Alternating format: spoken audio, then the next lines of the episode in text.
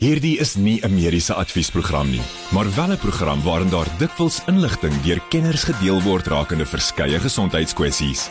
Vir persoonlike raad of advies, raadpleeg jou mediese dokter of sielkundige. Groot trauma op Groot FM 90.5. Baie welkom by Groot Trauma vanaand. Ek is Pieter Kloete en saam met my is dokter Jaco van die kerk soos altyd. Jaco al 6 jaar lank deel van Groot Trauma en 'n uh, ongelooflike bydrae wat dokter Jaco van die kerk aan hierdie program bied. Jaco, dankie dat jy hier is. Dankie Pieter, is lekker om hier te wees. Kan jy glo 6 jaar? Ja nee, jy sien. Ehm um, Jaco vanaand uh, kyk ons ons 'n paar stories wat nuus gemaak het, maar voor ons daarby uitkom, ek net vir jou sê ons ons gaan ons gaan 'n bietjie later gesels oor prostaatkanker ehm um, en ook oor uh, prostaat ehm um, screening. So as jy bietjie meer wil weet daaroor bly ingeskakel daarvoor, maar intussen terwyl jy nou luister na ek en Jaco, kan jy ook sommer gou vinnig op ons Facebookblad gaan kyk. Daar's 'n video geplaas, dankie Anton, ons digitale bestuurder wat so 'n videoetjie gemaak het waar ek geprikkel word en getoets word met 'n PSA of 'n prostaat screening toets en uh, jy kan bietjie gaan loer daarso hoe ek skree soos 'n babatjie as hulle my in my vinger steek. Ehm um, maar dit wys vir jou net dat uh, weet statistieke wys dat 1 uit 10 mans in hulle lewenstyd met prostaatkanker gediagnoseer word. So gaan toets vandag nog voor dit te laat is. Weet, en screening is belangrik. Ons gaan 'n bietjie daar gesels. Uh saam met Pieter van DB Pharma. So bly gerus ingeskakel daarvoor. Ja, kom eers kyk ons na so 'n paar nuus stories wat nuus gemaak het en ek wil graag hoor 'n bietjie wat is jou opinie daaroor. Uh, ongelooflike hartseer vir die familie en die die ouers van die seun wat 15 jaar oud is nadat hy met leukemie gediagnoseer is en hy's maar 15 jaar oud, Jaco. Ja, Pieter, ek dink ek sê altyd ehm um, die liewe Vader weet vir wie hy sekere siektes kan gee want met watse gesindheid mense dit aanvaar en hanteer. Ehm um, Daniel Beetge is 15 jaar oud en ehm um, hy's gebore met Fanconi anemie wat eintlik 'n seldsame genetiese siekte is waar jou beenmerg dan nou nie ehm um, spesifieke bloedselle maak nie. So hy's gewoond gewees sy hele lewe lank al eintlik aan die binnekant van 'n hospitaalkamer waar hy gereeld bloedoortappings en selfs beenmergoortplantings waarskynlik gehad het. Um, hy het op 'n stadium so vir 18 maande het dit gelyk asof sy Fanconi onder beheer is en hy het um sy beenmerg self begin bloedselle maak. So hy het vir 18 maande 'n goeie lewe van 'n normale tienerseun gehad wat hy hoe van elektriese gitare soos wat hulle dan in die in die in die artikel sê en hy troetel slange en hy hy het alles gedoen wat wat die standaard tienerseun wil doen. Maar um hy is toe nou onlangs gediagnoseer met uh mega mega kardioblastiese leukemie wat eintlik maar 'n tipe bloedkanker is ehm um, wat uh, dan nou behandel word by die Netcare Pretoria Oos Hospitaal en ehm um, dis maar chemoterapie wat hulle ondergaan en dan waarskynlik weer beenmerg oorplantings ensovoorts. Ehm um, die die goeie nuus van hierdie storie is hy is ongelooflik positief en sy ma sê hy sê altyd dit help nie om bekommerd te wees oor 'n ding nie want dit gaan nie die uitkoms van hierdie ding verander nie. Mens moet 'n goeie houding hê En alhoewel hy dan nou moeg en siek en en en nie altyd lus is om iets te doen nie, bly hy positief. En ek dink dis 'n goeie voorbeeld vir ons almal. Hmm. Ehm um, hy het 'n baie baie slegte siekte. Dis 'n ding wat mense heeltyd moeg maak. Ek dink meeste van ons weet net as ons bietjie bietjie blekerig voel of bietjie moegerig voel, hoe hoe geïrriteerd kan 'n mens wees en hy het sy hele lewe al hierdie moegheid en en en swak gevoel en hy bly positief en ek dink dis 'n baie goeie voorbeeld vir almal van ons. Dan is daar 'n groot studie wat wys dat bloedtoets vir 50 kankers uh, wat belovend is. Jaco, vertel my 'n bietjie meer daarvan. Ja, dit is 'n 'n bloedtoets wat ehm um, by die Britse Nasionale Gesondheidsdiens ehm um, gedoen word. Dis 'n groot groot studie wat gedoen word oor 5000 mense of wat gedoen is. Die toets het dan nou ehm um, 2 uit elke 3 kankers wat ehm um, by 5000 pasiënte wat hulle dan nou in die studie gebruik het, um, positief getoets het waar 'n pasiënte wat wat moontlike simptome van kanker het um in Engeland en Wales wat dan nou um getoets is. Die toets sê hulle het 85% van die positiewe gevalle het die oorspronklike plek van die kanker uitgewys. En dit is belangrik want jou oorspronklike plek van die kanker is jou primêre kanker en van daar af kry jy jou metastasis of jou verspreiding en dit is belangrik om die primêre kanker te kry om optimale behandeling daar te kry. Dis dis die een ding. Hulle noem dit die gallery toets wat dan nou um eintlik 'n genetiese toets is wat dan nou vir spesifieke gedeeltes van die genetiese kode soek om dan nou um kanker vroeg te kan opspoor en dit is ook belangrik om kanker vroeg te kan opspoor. Um, die navorsers by die Universiteit van Oxford sê egter dat dit nog 'n uh, onafgehandelde werk is omdat daar nog baie navorsing gedoen moet word. Ehm um, in in studies sê praat ons altyd van sensitiwiteit en spesifisiteit. Nou dit is 'n baie sensitiewe toets al in 75% van die uh pasiënte wat positief getoets het, het wel kanker gehad met ander ander toetse wat dit dan nou bevestig het. Maar ongelukkig is daar 2.5% van diegene wat negatief getoets het wat ook kanker het. En dis die dis die um spesifisiteit van hierdie toets. Um wat dan nog nie 100% daar is nie. So alhoewel dit nie akkuraat genoeg is om die kanker heeltemal uit te sluit of in te sluit nie, is dit baie nuttig vir pasiënte. Um het dan die hoof die uh, prof Middleton wat die hoofnavorser is, um gesê. So 50% akkuraat om die bron van kanker op te spoor en ek dink dis een van die van die regtig baie baie nuttige goed want baie van die kankers is moeilike goed. Mense dink aan aan kolonkanker, dindarmkanker, ehm um, vroeë pankreaskanker is baie moeilike goed om op te spoor. En baie keer kry ons eers die pasiënt wat gewig verloor, wat ehm um, begin geel word, wat begin regtig waar ehm um, eintlik wegkwyn al en en eintlik in 'n laat stadium van die siekte is en dan is jou uitkomste baie sleg. So as jy vroeg hierdie toetse gedoen kry en dan die diagnose vroeg genoeg gedoen kan kry, dan gaan jou uitkomste net soveel beter wees. Net hierna gaan ons 'n bietjie verder gesels oor eh, die griepseisoen wat die midde van ons is en dan ook um, dink my kunsmatige intelligensie wat bietjie bewys uh, dat dit baie nuttig is om uh, ondersteunend te wees vir die mediese veld en dan ook 'n nuwe gesondheidsombudsman. En dan bly ook ingeskakel vir ons gesprek oor prostaatkanker. Jy kan ook intussen 'n bietjie nog gaan kyk na daai video van my en Dr. Jaco van die kerk en ook Pieter van DB Pharma waar hulle my geprikkel toets het. Uh, vir die toets vir prostaatkanker gaan loer gerus op ons Facebookblad Groot FM 90.5. Groot trauma met Pieter Kloete en Dr. Jaco van die kerk op Groot FM 90.5. Ek en Jaco kyk na so 'n paar nuus stories wat nuus gemaak het en ons kyk bietjie en ons hoor bietjie wat is dokter Jaco van die kerk se opinie daaroor. Jaco, dis mos nou weer tyd vir mense om griep te kry en ehm um, dit nou reeds begin. Die winter is nou reeds op ons. Dit lyk my die seisoen van griep is hier. Die seisoen van griep is inderdaad hier en ons sien dit in die hospitale ook Pieter. Ehm um, soos gewoonlik in die naderende uh, winter begin uh, die griepgevalle al hier van die 10de April af toeneem en die Nasionale Instituut vir Oordraagbare Siektes het dan nou gesê hier van 27 April af hierdie opsporingskoers die seisonale drempel oorsteek, so dan kan mens eintlik sê die griepseisoen het begin op 27 April. Ehm um, die mens kry uit die aard van die saak maar geassosieerde bronkitisse, bronchiolitiese by kinders en longontsteking. Um, en mense sien duidelik dat daar nog steeds 'n toename in hierdie in hierdie siekte toestande is, veral by die by die ouer persone, die kinders en dan die mense met onderliggende siektes. Um, die gevalle het in al ses provinsies toegeneem en een van die goed wat nou weer kop uitsteek wat wat redelik algemeen is is die ou H1N1 virus of die influenza A wat ook 'n paar jaar terug sal mense onthou was almal so paniekerig oor varkgriep.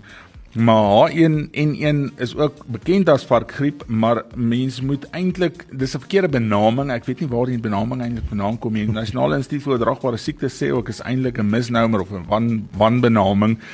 Ehm um, maar mense moenie paniekerig raak daaroor nie. Dit is 'n uh, infeksie net soos die influenza tipe B. Ons sien 'n klomp ander virusse ook, die metapneumovirus, die die respiratoriese sinsitiaal virus. Daar's 'n klomp virusinfeksies wat nou geassosieer is met die winterseisoen wat dan nou griep veroorsaak en varkgriep of H1N1 of influenza A net soos wat jy hom wil noem het eintlik maar dieselfde verloop as meeste van die ander virale siektes en ook dan uit die aard van die saak jou gewone influenza tipe B wat eintlik gewone griep is soos wat ons dit ken. Um dit is so dat 'n mens mooi moet kyk na hierdie na hierdie persone wat wat 'n hoë risiko het om komplikasies te kry en dis maar die swanger vrouens die HIV pasiënte, die kroniese siektes soos tuberkulose pasiënte, uit die aard van die saak diabetes wat dan nou 'n uh, immuunonderdrukkende toestand is, obesiteit wat baie keer met diabetes geassosieer word en dan ook ouer mense 65 en ouer en dan jong jong kinders um, veral onder 2 jarige ouderdom. Um ons het selfs in medisyne 'n reël wat ons die CURB 65 reël noem om te besluit of jy ouer persone 65 en ouer moet opneem in 'n hospitaal. Daar's 'n telling wat jy daaraan kan koppel al dan nie. So dan definitief ehm um, is dit is dit maar een van die groot probleme van die hospitale tans. Ehm um, en uit die aard van die saak beveel ons nog steeds aan dat mense die griepinspuiting moet kry. Ehm um, dis nie meer soos in die ou dae wat mense sal sê ja, ek het die griepinspuiting gekry so ek gaan siek word nie. Ehm um, dit is nie 'n aktiewe virus wat jy kry nie, dis ook nie 'n geïnaktiveerde virus nie, dis net dan nou obviously iets wat jou antiliggame stimuleer. En ehm um, ek dink mense moet vrymoedig wees om om om hierdie immunisasies te kry veral as jy in 'n hoë risiko groep is. Ja, kan jou opinie nê? Ehm um, is die die gevolg of die uitbreek van uh griep uh hoër as voor 2019 omdat mense bietjie meer ehm um, hulle self beskerm het met met hande was, maskers teen hierdie ehm um, goed soos H1N1 en en die meer is dit nou omdat hulle liggame miskien ook nie meer gewoond is aan dit nie of ek weet nie jy moet vir my sê. Ek dink definitief dit het 'n effek. Ehm um, as ek dink aan dit wat ek vandag gesien het, ek het vanmiddag hier van 12:00 tot omtrent 6:00 het ek 5 opnames gehad wat griep geassosieerd is um in die hospitaal en dis nogal baie vir 'n mm. vir 'n middag. Um mens weet nie of die ouderdom van die pasiënte in die area wat jy werk meer of ouer word en die ouer populasie meer word nie en of dit 'n 'n effek is van die van die COVID pandemie nie maar ek dink definitief die COVID pandemie het ook 'n effek daarop. Um die die probleem wat ons sien baie keer met influenza veral influenza A en B is dat mense wil nie dadelik dokter toe gaan nie hmm. want die COVID pandemie het ook gemaak dat mense sosio-ekonomies swaarder kry. So jy gaan nie sommer dokter toe vir enige iets as jou neus begin loop nie. Hmm. Um die probleem van die medikasie wat gebruik word vir antiviraal of antivirale medikasie wat gebruik word vir virusinfeksies is dat jy dit binne die eerste 24 tot 48 uur van siekte moet gebruik anders dat dit nie soveel effek nie. Hmm. Um en baie keer gaan mense eers apteek toe en hulle gaan kry al die simptomatiese goed en dan nie op dag 3, 4 of 5 sien hulle nie, hulle word nou sieker en dan gaan hulle dokter toe en dan antibiotika werk nie vir virale goed nie. En dit is 'n belangrike aspek wat 'n mens moet moet noem ook. Dit beteken nie as jy koors het en siek is en hoes dat jou dokter noodwendig vir jou gaan antibiotika gee nie, veral nie as dit 'n virale ding is nie, want dan maak jy eintlik net 'n weerstandigheid teen antibiotika. Ons het net hierna teruggedag ons 'n bietjie gesels oor eh, prostaat en prostaatkanker en ek wil jou sommer aanraai gaan loer gou op ons eh, Facebook bladsy om te wys hoe ek die um, prostaattoets doen. En nee dis nie die ene uh, wat invasive is nie. Hierdie is sommer net 'n vinnige prikkeltoets maar um, gaan loer gerus na daai video waar Jaco my prikkel en dan die toets doen. Dit is op Groot FM 90.5 se Facebook bladsy net hierna gesels ons met Pieter van DB Pharma oor prostavor. Hierdie is nie 'n mediese adviesprogram nie, maar wel 'n program waarin daar dikwels inligting deur kenners gedeel word rakende verskeie gesondheidskwessies. Vir persoonlike raad of advies, raadpleeg jou mediese dokter of sielkundige. Groot trauma met Pieter Kloete en dokter Jaco van die Kerk op Groot FM 90.5.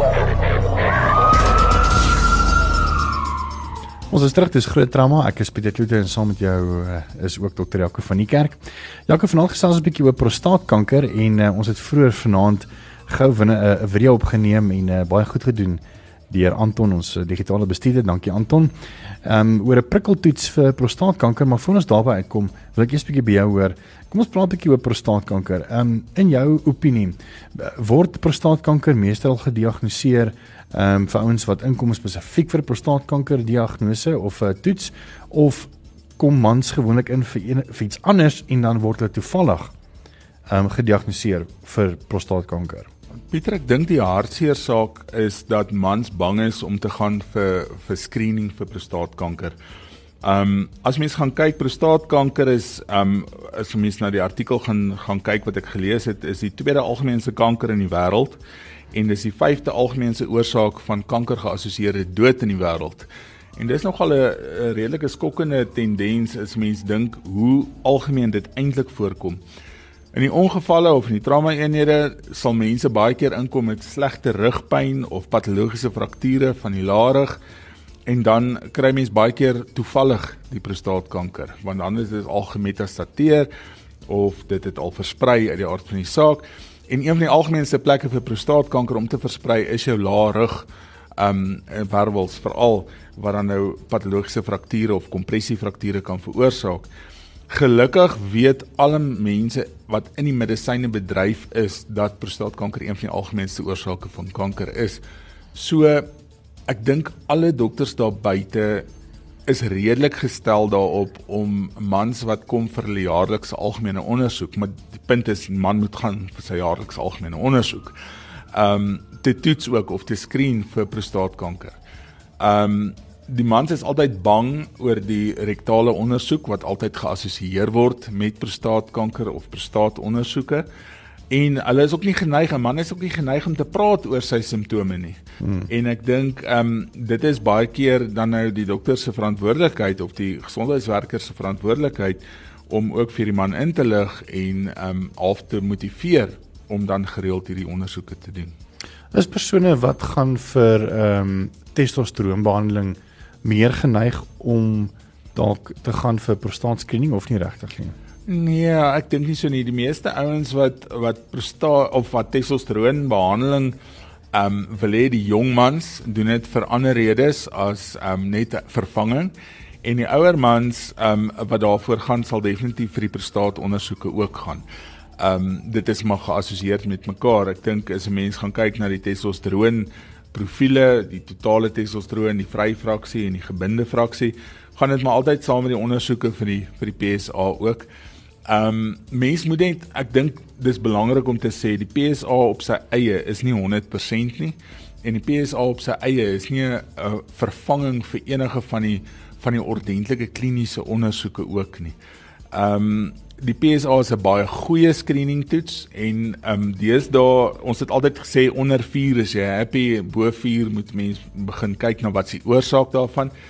Maar ehm um, deesdae is daar ook 'n glyskaal kan ek amper sê vir vir waardes wat as normaal gesien word. Hoe ouer jy word, hoe groter word ons almal se prostate en ons almal sal vergrote prostate kry soos wat ons ouer word.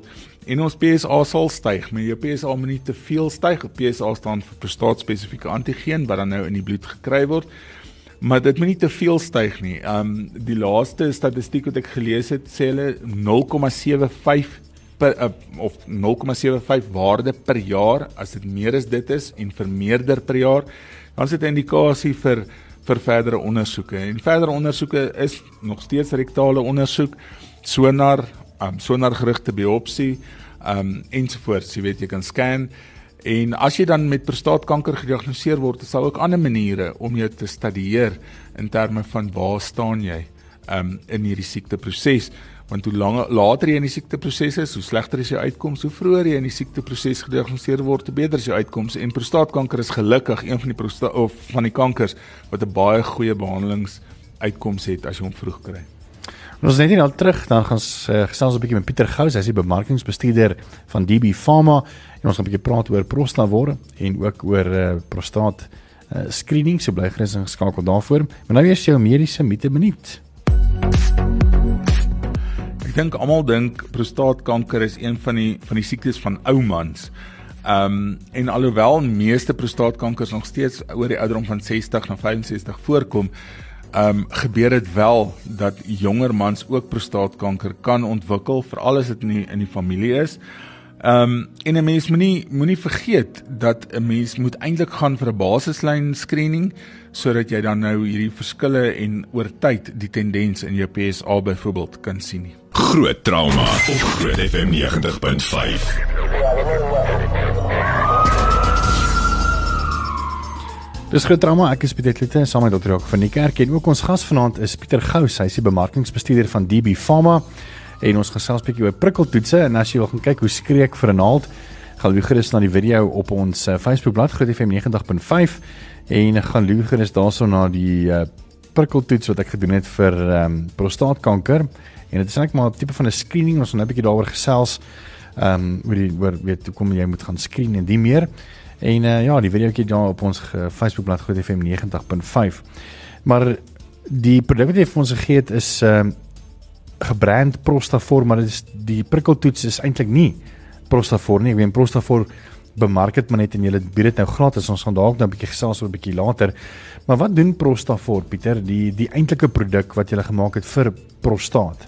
So Prostafor wat ons die die rede hoekom ons dit uitgebring het, ehm um, is om die inflammasie rondom die prostaat te verminder.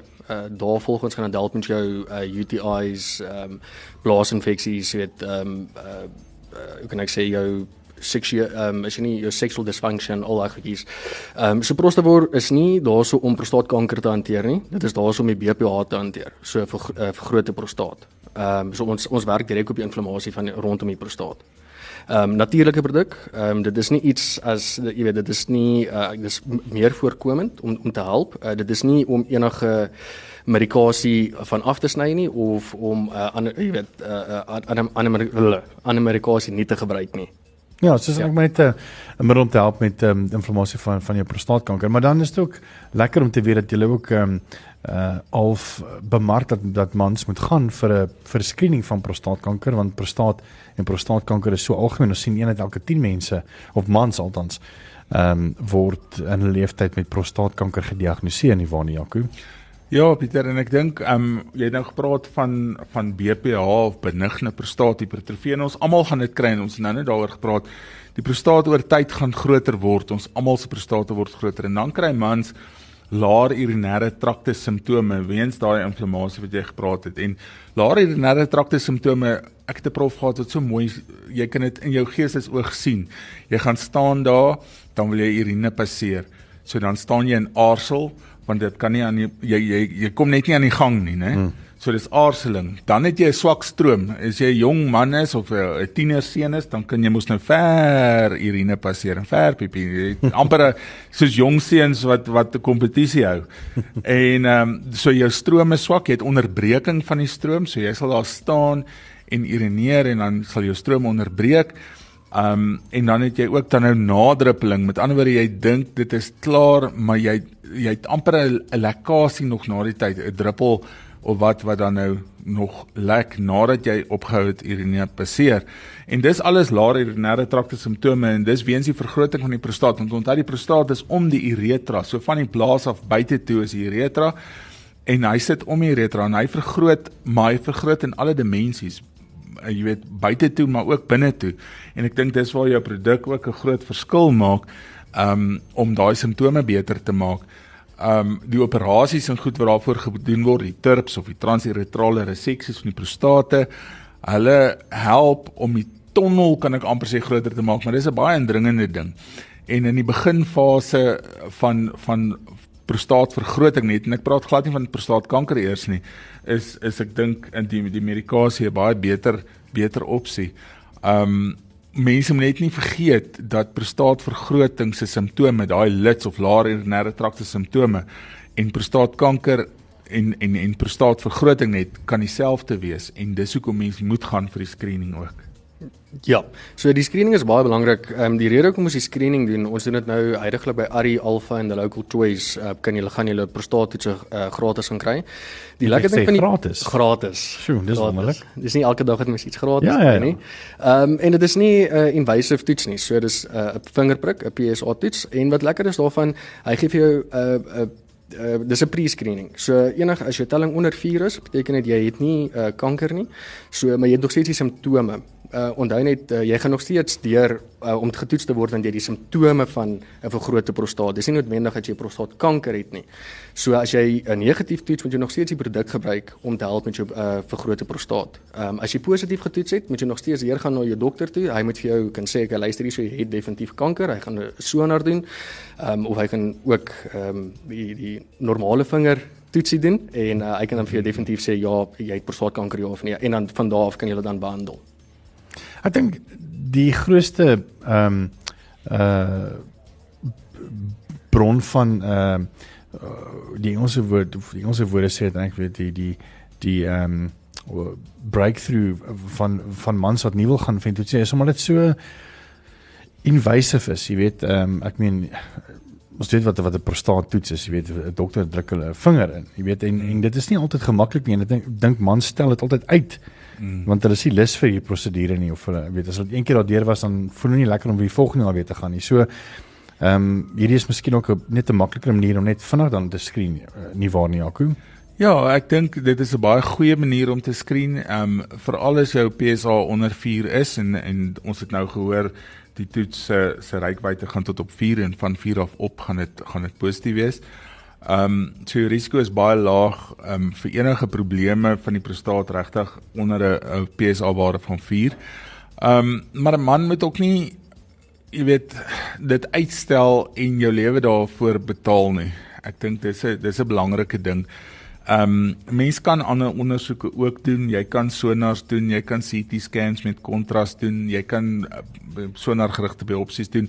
En onthou net almal dink altyd omdat die kliniese ondersoek rektale ondersoek is met jou vinger is die sonar ook indringend. Die sonar word van die buikkant af gedoen of die maagkant af gedoen en nie van agter af of van onder af nie. So mm. dit is regtig waar ehm um, nogal 'n 'n 'n makliker manier om dit te doen ook maar dis 'n baie duurder manier om dit te doen. En ek moet sê ek doen dit nou self obviously in praktyk um, om om mans te ondersoek en dis 'n baie vinnige ondersoek. Ek weet dit is indringend, dit is ongemaklik en ek dink dit hang af van die van die van die omgewing waarin jy is en die en die atmosfeer en en die vertroue wat jy in jou dokter het ook. Ehm um, jy moet jou dokter vertrou en hy moet jou vertrou en en en en dit vinnig agter die rug kry. Ehm um, So ek dink dit is regtig waar 'n lewensveranderende ondersoek eerder as wat jy hierdie hierdie diep indringende chirurgie nodig het later en en al die komplikasies van verspreide prostaatkanker moet hanteer. Net om af te sluit Pieter ek wil weer jy moet dit sê want ek kan nie glo dit is um, gratis nie. So jy, me, mans kan is dit net vir 'n sekere tydperk um, en waar kan hulle hierdie toetse gratis gaan doen enige tyd van die dag? So soos wat julle weet is dit ehm um, uh June Men's Health en so vir die maand van Junie kan julle by Ari Alpha en as ook jou the local choice apteek 'n gratis prostaattoets gaan doen ehm um, by die klinieksuster. Ehm um, soos weer soos ek gesê het, dit is gratis. Hmm. So asseblief gaan deur. Dis die alledaagse as jy ietsie gratis kry. Hmm. So jy gaan maar net na uh, dis Arinel Mopani Thrive Alpha Farm in the local choice en jy gaan na die suster afdeling toe nê. Ja. Waar die suster is en jy sê hoorie so ek het gehoor uh Prostavor het 'n uh, gratis prostaattoets. Kan ek dit gou vanaand doen en hulle doen dit gou vanaf jou gratis en van nie daar's geen kostes nie. Ja, geen kostes betrokke nie. Pieter soos jy gesien het, dis 5 tot 10 minute en dan jy in en uit. Ja ja, dit was baie vinnig geweest. En as jy my nie glo nie, gaan kyk na die video. Dit is op ons Facebook bladsy Groot FM 90.5 waar uh, Dr. Jaco van die kerk vir my 'n vingerprik doen en dan doen ek sommer die toets daar saam met Pieter Gous die bemarkingsbestuurder van DB Farm. Hoorie Pieter, baie dankie dat jy kom met en dankie ook vir die toets. Dit was regtig baie insiggewend en uh ja, ek is bly ek het dan onder my PS wat PSA 4 vlakke getoets. So dis nog goeie nuus. Ons is net hier na weer terug. Dis was uh, Pieter Gous, bemarkingsbestuurder van DB Pharma oor die produk Prostavor. Met die volgende program bo Groot FM 90.5 om jou as luisteraar met die nodige inligting oor 'n spesifieke onderwerp te voorsien. Alhoewel hierdie inligting dikwels deur 'n kenner op die gebied gedeel word, word jy aangemoedig om jou mediese dokter of sielkundige te besoek vir persoonlike advies of raad. Groot trauma met Pieter Kloete en dokter Jaco van die Kerk op Groot FM 90.5. Ek gaan ook gaan 'n bietjie gesels oor KI en uh, nee, dit is niks verwant met uh, prostaatkanker of prostaattoets nie. Ek praat nou hierso van kunsmatige intelligensie. En ehm um, lyk my nuwe tegnologie, Jaco, as mense nou kyk na ChatGPT-4 uh, of ChatGPT en en die goeters, ehm um, is dan 'n bewys dat dit weet baie nuttig is vir die ontleding van mediese beelde. En dit het selfs getoon dat dokters se lisensieringseksamens kan geslaag word deur hierdie kunsmatige intelligensie wat dan hierdie goeters aanleer. Nou hierdie is nie dit is nou nie en almal praat daaroor maar hmm. eintlik is dit nie so nie nie want ehm um, as jy reg kan onthou het ons omtrent so 4 jaar terug met iemand gepraat ehm um, wat eh uh, mammogramme doen eh ja. uh, in die ehm um, uh, in die Oos-Kaap en hierdie outlying areas waar nie altyd tegnologie is nie en dan vat hulle maar hierdie toestelle saam wat nou ehm um, letterlik hierdie mammogramme vat en beelde daarvan en leer dan aan hmm. uh oor wat dit is om uh, en en sal baie makliker kan optel as wat 'n dokter se oog byvoorbeeld sal kan optel dat daar byvoorbeeld kanker is of borskanker is en die meer. So ons het toe al begin praat oor oor hierdie uh kunsmatige intelligensie. Nou lyk dit vir my Jaco um word baie meer ingespan as mens kyk na jou wat nou mm. um 'n laptop het. 4 jaar terug het ek jou nie geken met 'n laptop dan nee. in jou trauma jantjie. Nou het jy al reeds 'n uh, uh, uh, nie 'n laptop nie 'n uh, tablet. Of tablet ja. Uh, by jou. Jy weet en, ja. en jy gebruik dit nou baie meer en, en raak amper 'n amper soos 'n mens se foon, jy weet net 'n uittreksel van 'n mens se liggaam, jy weet met as jy jou werk moet doen. Dis definitief so. Ehm um, ek dink mens moet nie agter die tyd bly nie. Ehm um, kunsmatige intelligensie het gekom om te bly. ek dink nie mens moet dink dit vat die plek van die dokter-pasiënt verhouding nie, want daar moet tog steeds 'n dokter-pasiënt verhouding wees, daar moet 'n vertrouensverhouding wees. Hmm. Ehm um, dit help baie keer net in besluitneming en om 'n beter ingeligte besluit te neem en om groot hoeveelhede data vinnig te kan te kan hanteer en um groot hoeveelhede werk te kan doen um op 'n baie meer effektiewe en 'n baie meer um nougesette of of of 'n baie meer um uh, spesifieke manier um om 'n beter uitkoms vir die pasiënt daar te kry. Die hoofskrywer van hierdie um spesifieke program wat dan nou uh, genoem word in die artikel is intedeel dis 'n baie interessante kombinasie van van spesialiteite. Dis uh, Erik Oorman en hy's 'n neurochirurg en 'n rekenaarwetenskaplike um in New York. Nou wat hulle gedoen het is um hulle het dan nou hierdie rekenaar inligting gevat van pasiënte se inligting wat deur dokters se aantekeninge wat gemaak is fisies en dit ingelaai in hierdie program en hierdie program geleer om sekere uitkomste te voorspel op grond van dit wat hulle geleer het uit die uit die geskiedenis uit van hmm. van van dokter se se se kliniese notas en hulle het 'n baie effektiewe manier gekry om dan nou um voorspellings te kan maak. Um tans sê hulle dan nou dat daar's 'n verbuisterende 95% van mense wat geïdentifiseer is wat in die hospitaal sal sterf wat wel gesterf het. Um en dan 80% van pasiënte wat binne 30 dae weer opgeneem gaan word vir dieselfde of iets anders is ook um met met goeie effektiwiteit dan nou uit die aard van die saak voorspel. Um dit dink ek is beter as die menslike voorspelling want nie ek of jy kan sien wat gaan gebeur met 'n pasiënt nie, maar hierdie rekenaarstelsels werk op statistiese benaderings en statistiese modelle. En ek dink dit is baie baie effektief, maar 'n mens moet nooit vergeet dat daar nog steeds die menslike aspek in hierdie hele ehm um, bedryf van ons is nie. En ek dink die oomblik wat 'n mens vergeet van die mens in hierdie bedryf dan ehm um, dan mis mens die hele boot. Ek dink daar moet heeltemal 'n kombinasie wees tussen hierdie kunsmatige intelligensie en die menslike faktor. Ek wil net noem dit is ehm um, om te Google uh jou simptome is glad nie uh kunsmatige intelligensie nie. Die, die twee is letterlik nie dieselfde nie. Um, ja, nee, ek dink ek dink wat 'n mens moet sê is meeste van ons in ons land gaan nie hierdie rekenaar data programmering en programme eers kan bekostig op hierdie stadium nie. Hmm. Boonbehalwe die feit dat dit nog nie um algemeen beskikbaar is nie ehm um, dink ek dit is nie Google nie. Ja. Ek, ek dink eerder dat hierdie sal sal eerder spesifiek tot ehm um, groter mediese maatskappye wees wat ehm um, uh dan saam met universiteite werk om hierdie byvoorbeeld soos byvoorbeeld mammogramme 'n database van mammogramme in uh, te bou en dan dit in sagte ware sit en dit dan aan dokters te verskaf. So ek wil net noem hierdie is nie as wanneer mense nou praat oor hierdie nuwe tegnologie dit is nie weet Google nie. Jy kan nie gaan Google en sê help my en kyk of hierdie dit want dit is glad nie dieselfde nie. Ek dink dit dit help maar net om dokters van meer inligting te voorsien dat hulle beter ingeligte besluite kan neem en dat hulle meer um akkuraat besluite kan neem en dat hulle kan leer uit dit wat uit die uit die verlede gebeur het. Ja, kon ek sê sommer af met 'n met 'n storie oor dat ons het nou blykbaar 'n nuwe gesondheidsomboed wat uh, graag die oë en ore van gewone mense wil wees. Nou kyk, hy gaan seker baie besig wees. Ja, ek kry baie jammer. As jy mens kyk oor wat in die staatsdiens aangaan, maar wat se werk moet hy doen? Want ek sien hulle sê hierso ehm um, Makoba, die vorige een het intrent in 7 jaar altesaam 10861 klagtes ontvang. En die helfte van hulle het geld hê. Ja, Pieter, dit is nogal skok of skrikwekkend eintlik en skokkend. Die Suid-Afrikaanse gesondheidstelsel dink ek het baie uitdagings um as gevolg van die groeiende bevolking.